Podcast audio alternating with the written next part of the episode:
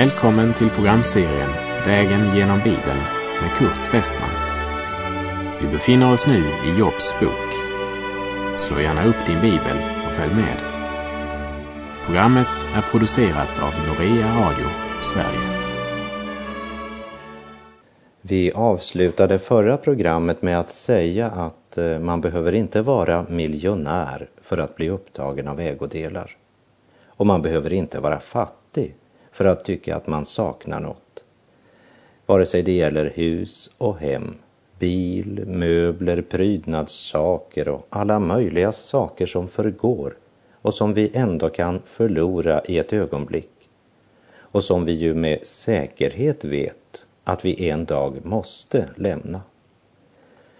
Och ofta behöver vi ju inte heller mista så mycket förrän lovsången och tacken till Gud tystnar. När Job hade förlorat allt faller han ner till jorden och tillber och säger Herren gav och Herren tog. Lovat vare Herrens namn. Han anklagar inte Gud. Och vi läser i Job kapitel 2 och vers 1. Åter hände sig en dag att Guds söner kom och trädde fram inför Herren.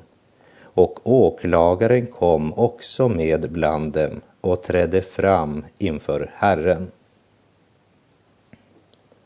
Här möter vi på nytt denna här som avlägger sin regelmässiga rapport inför Gud. Skapade av Gud för att tjäna honom och hans rike och här kallas de för Guds söner. Men även den fallna ängeln, som också kallas åklagaren, möter upp. Och vi läser vers 2. Då frågade Herren åklagaren, varifrån kommer du? Åklagaren svarade Herren och sade, från en vandring utöver jorden och från en färd omkring på den. Åklagaren eh, avlägger samma diffusa rapport som förra gången. Och likt förra gången så är det jorden han koncentrerat sig om, för där har han stor makt efter syndafallet. Men vi lägger märke till att han säger inte ett ord om jobb, för han hade ingenting att anklaga jobb för. Därför nämner han honom inte med ett ord.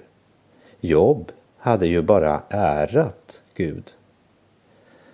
Och än en gång uttalar Gud hur han ser på sin trogne tjänare Jobb, som förblivit Gud trogen också i de svårigheter han nu hade mött. Herren gläder sig över Jobs seger. Och vi läser vers 3. Då sade Herren till åklagaren, har du gett akt på min tjänare Jobb? Ty på jorden finns inte hans like i oförvitlighet och redlighet. Ingen som så fruktar Gud och flyr det onda. Och ännu håller han fast vid sin oförvitlighet. Så har du då uppeggat mig mot honom till att utan orsak fördärva honom. Av de här orden från Herrens mun förstår vi att det inte var något hos Jobb som förorsakat hans olyckor. Människor säger så ofta, varför lät Gud detta hända mig? Kanske Guds svar är, orsaken finns inte i något hos dig. Det är inte dig jag slår. Jag straffar dig inte det är bara din tro som prövas och jag hoppas att du genom allt blir förd närmare mig.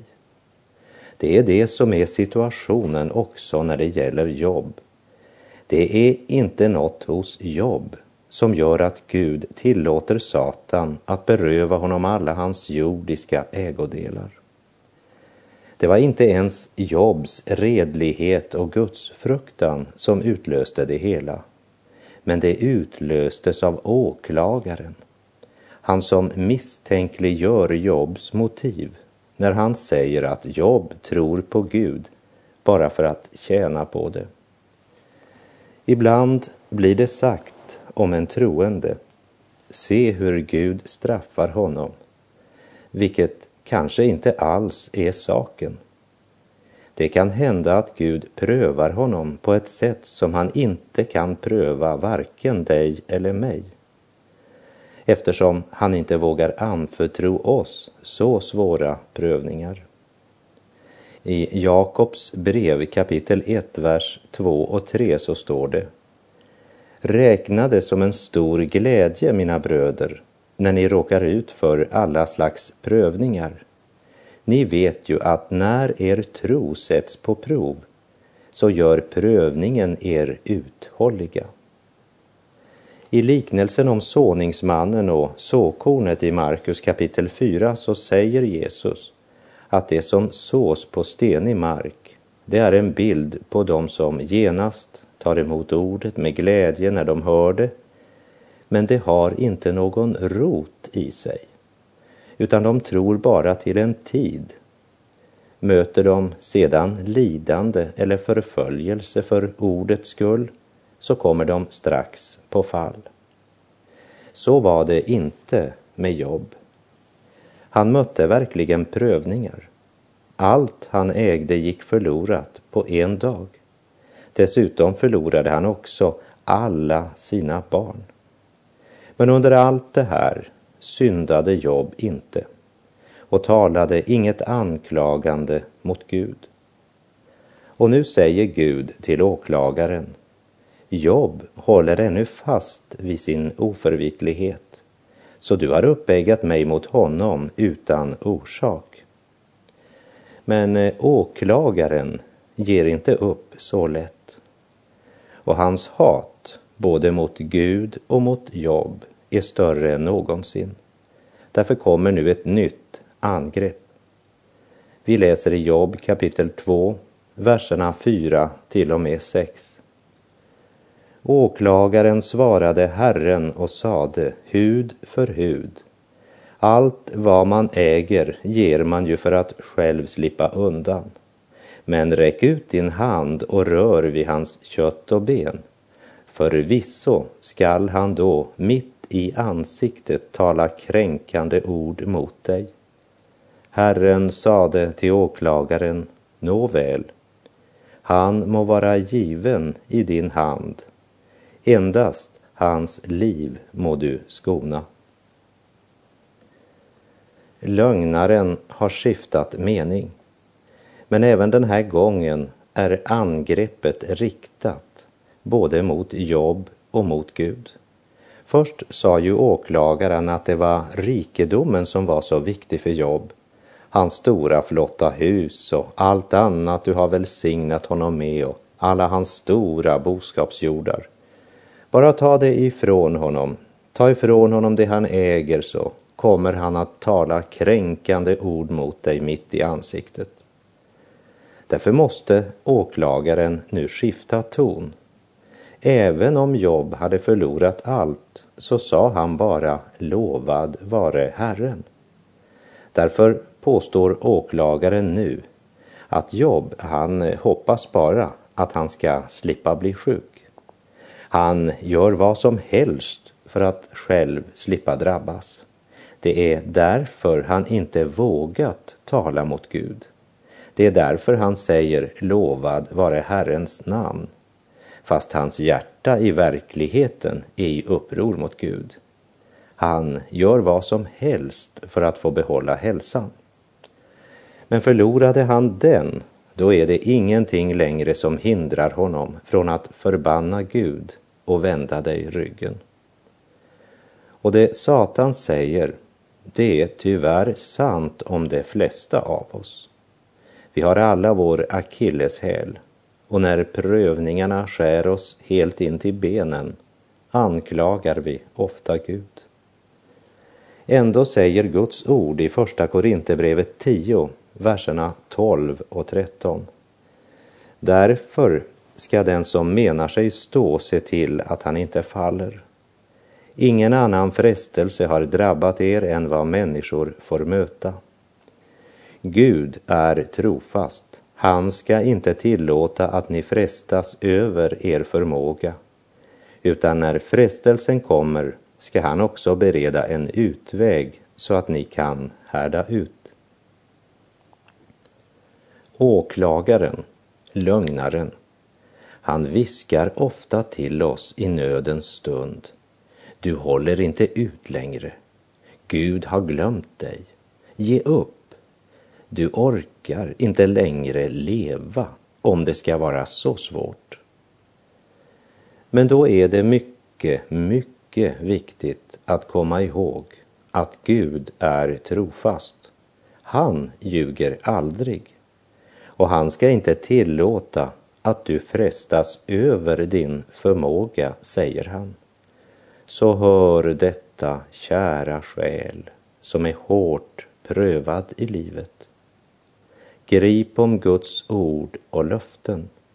Och vad du än möter, låt inte lögnaren ge dig en felaktig gudsbild, för Gud är god. Och han har inte glömt dig och även när du säger att du inte ser honom så ser han din situation. Vänta på honom. Gud är god. Låt inte lögnaren förmörka trons öga så att du inte längre kan se hans godhet mitt i din nöd.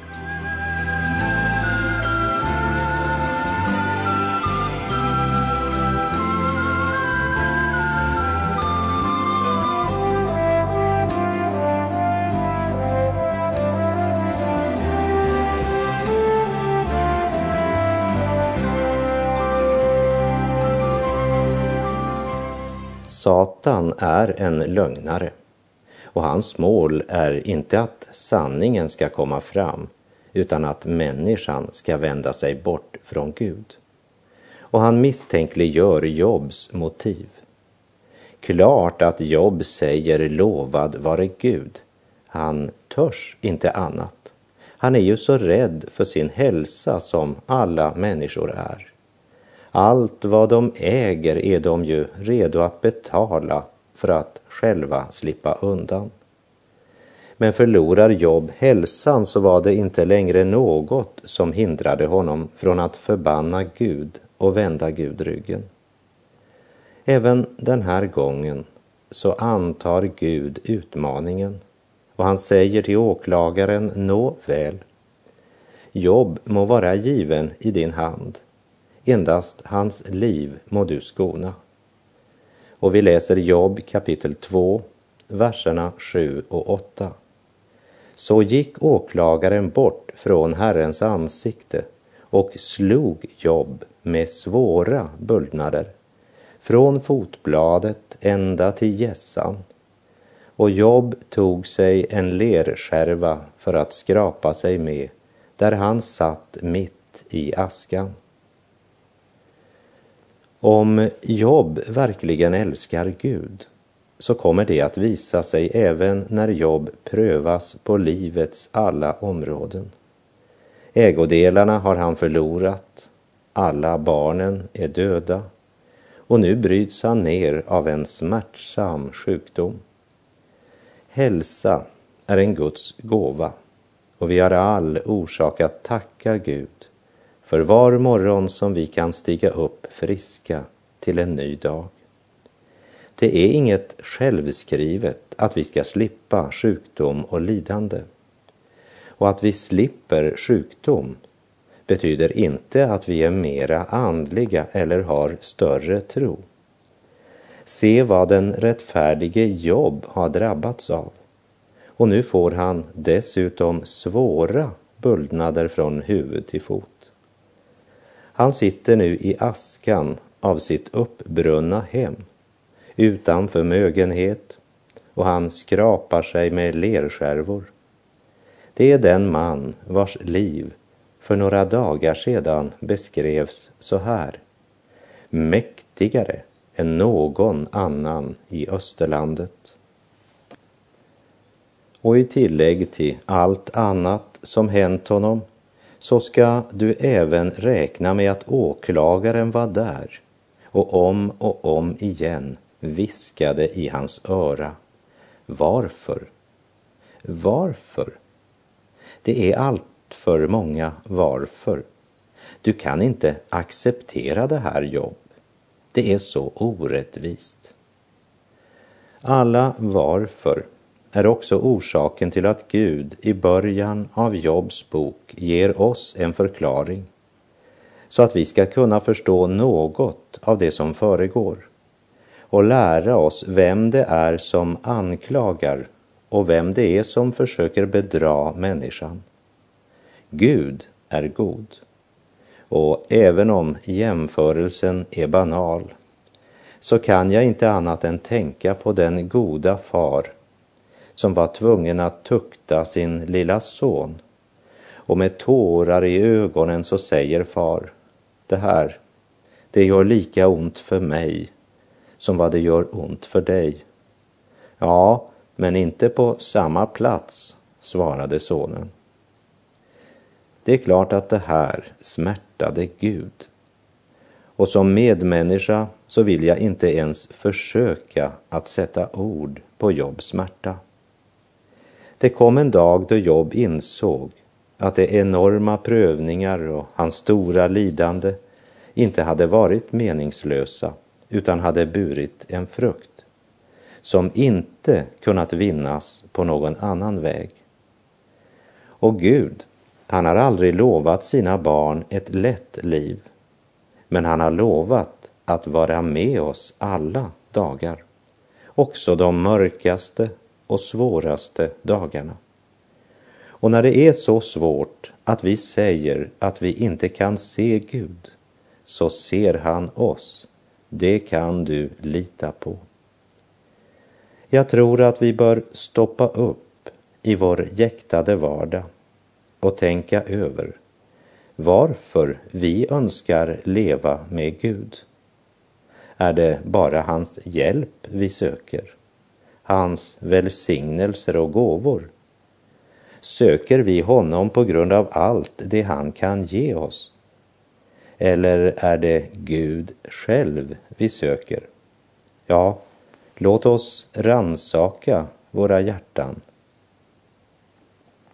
Innan vi fortsätter och läser vers 9 måste jag påminna om att det som hänt måste faktiskt ha varit lika svårt för Jobs hustru som för Job, kanske svårare, eftersom hennes gudsbild tydligen inte var lika klar. Job visste att Gud är god. Alla ägodelar var borta och hemmet, köket och det som hörde till det och som i långt större grad var medelpunkten för henne än för Job låg nu fullständigt i aska och ruiner.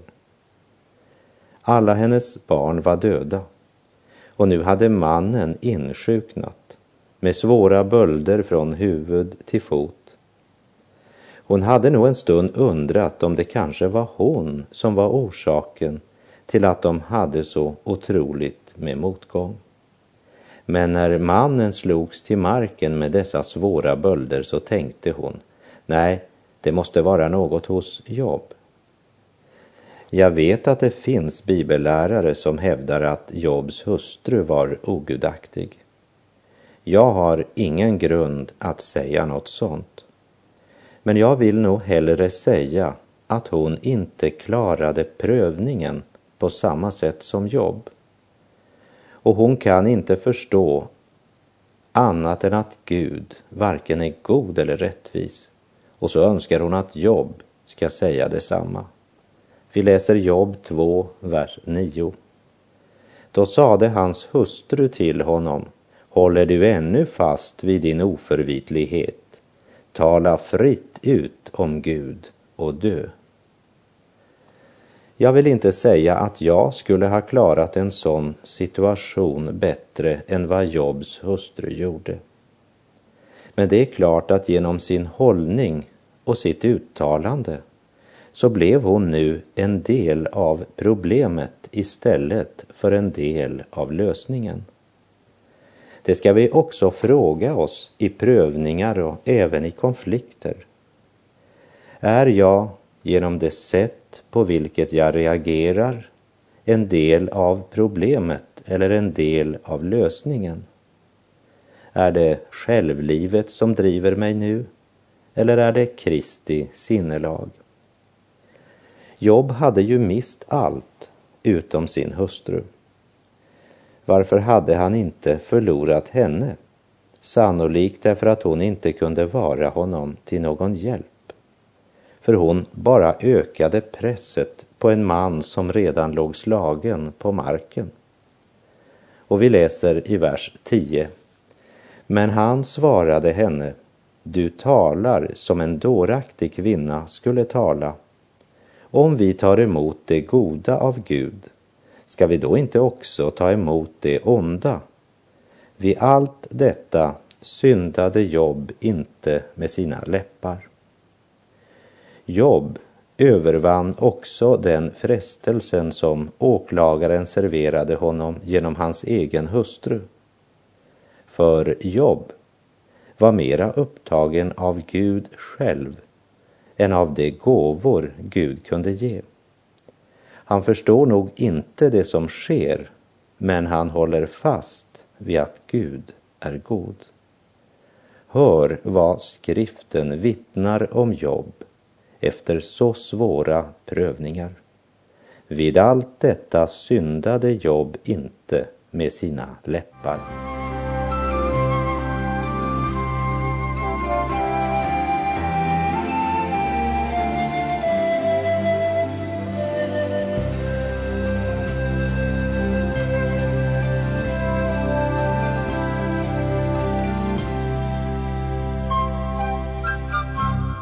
Och därmed så kan vi säga att vi har kommit till bokens början. Vi har sett bakgrunden om det drama som alltså utspelas i den andliga världen men som får så oerhörda konsekvenser för ett Guds barn på jorden. Vi har sett Jobb angripas på alla fronter men ändå bevarar han sin ostrafflighet. Också när hans egen kropp bröts ner och han hade drabbats av sjukdom i tillägg till all annan nöd. Och slutligen en dolk i ryggen av sin egen hustru. Men Job svarade henne, om vi tar emot det goda av Gud, ska vi då inte också ta emot det onda? Därmed har åklagaren kommit på skam inför Gud. Gud är värd att älska för sin egen skull. Jobb älskar Gud. Jobb tror och vet att Gud är god, även när han inte förstår det som sker i hans liv.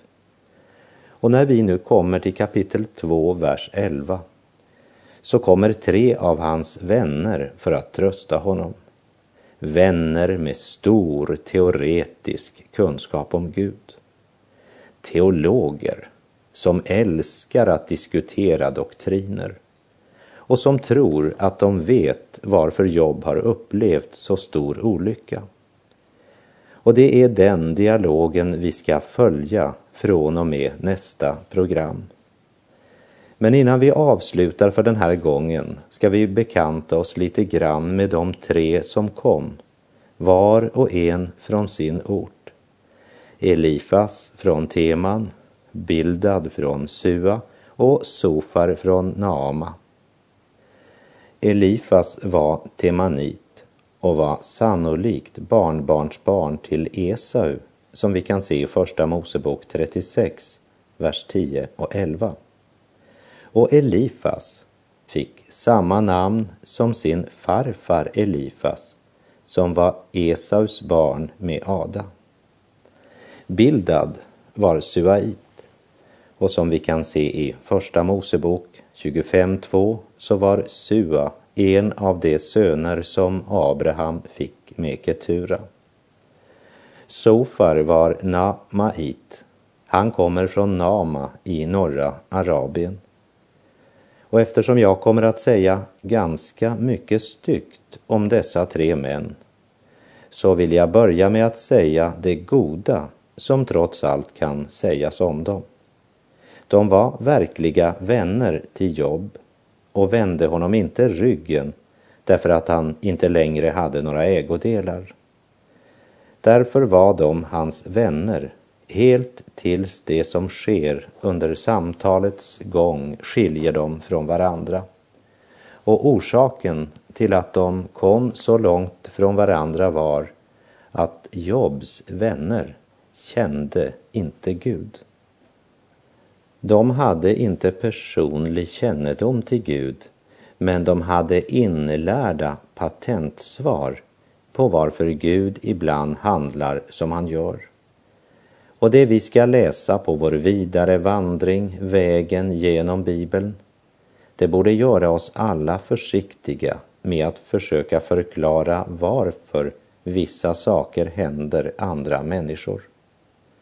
Vi har ingen rätt att säga att Gud har låtit det eller det hända den personen av den eller den orsaken. Dessa Jobs vänner, de var så säkra på sin sak, som många är också idag. De trodde de visste precis varför vissa saker hände, men det var fullständigt fel. Men det är tydligt att de var äkta vänner. Men vår fortsatta vandring kommer att visa oss att Job faktiskt hade större svårighet med sina vänner än vad han hade då hans svårigheter och prövningar var en sak endast mellan honom och åklagaren. Till vännernas försvar ska sägas att de hade ju inte tillgång till att läsa Jobs bok kapitel 1 och 2 innan de kom på besök. Men samtidigt måste vi säga att deras grundproblem, det var att de hade fel syn, både på Gud och på Guds ledning. Och även om Jobs vänner menade väl och hade goda motiv för att komma, blev ändå resultatet av deras besök att de lade sten på en redan tung börda. Låt oss be om visdom, nåd och uppenbarelse från Gud så att inte vi i vår iver blir sådana tröstare för en människa i nöd. Om vi i allt, alltid var beroende av Andens ledning så skulle vi nog vara mera känsliga både för när vi borde göra en insats för en människa i nöd men också känsliga för när vi inte ska försöka hjälpa eller inte kan hjälpa och att inte dra förhastade slutsatser om varför ting sker eller inte sker. För det är i högsta grad en olöst gåta när vi ser hur ojämnt lidandet är fördelat. Utan mig kan ni ingenting göra, sa Jesus till lärjungarna. Glömmer vi det kan något som vi gör i de allra bästa avsikter och med det ädlaste motiv ändå bli något som bara hindrar Gud från att hjälpa en lidande människa. Och med det så är vår tid ute för den här gången, så jag säger på återhörande om du vill. Herren vare med dig. Må vi få nåd att bli så små i egna ögon att vi är villiga att inse att vår främsta uppgift kanske inte är att undervisa den lidande, men att höra på vad han har att säga och lära av den lidande. Gud är god.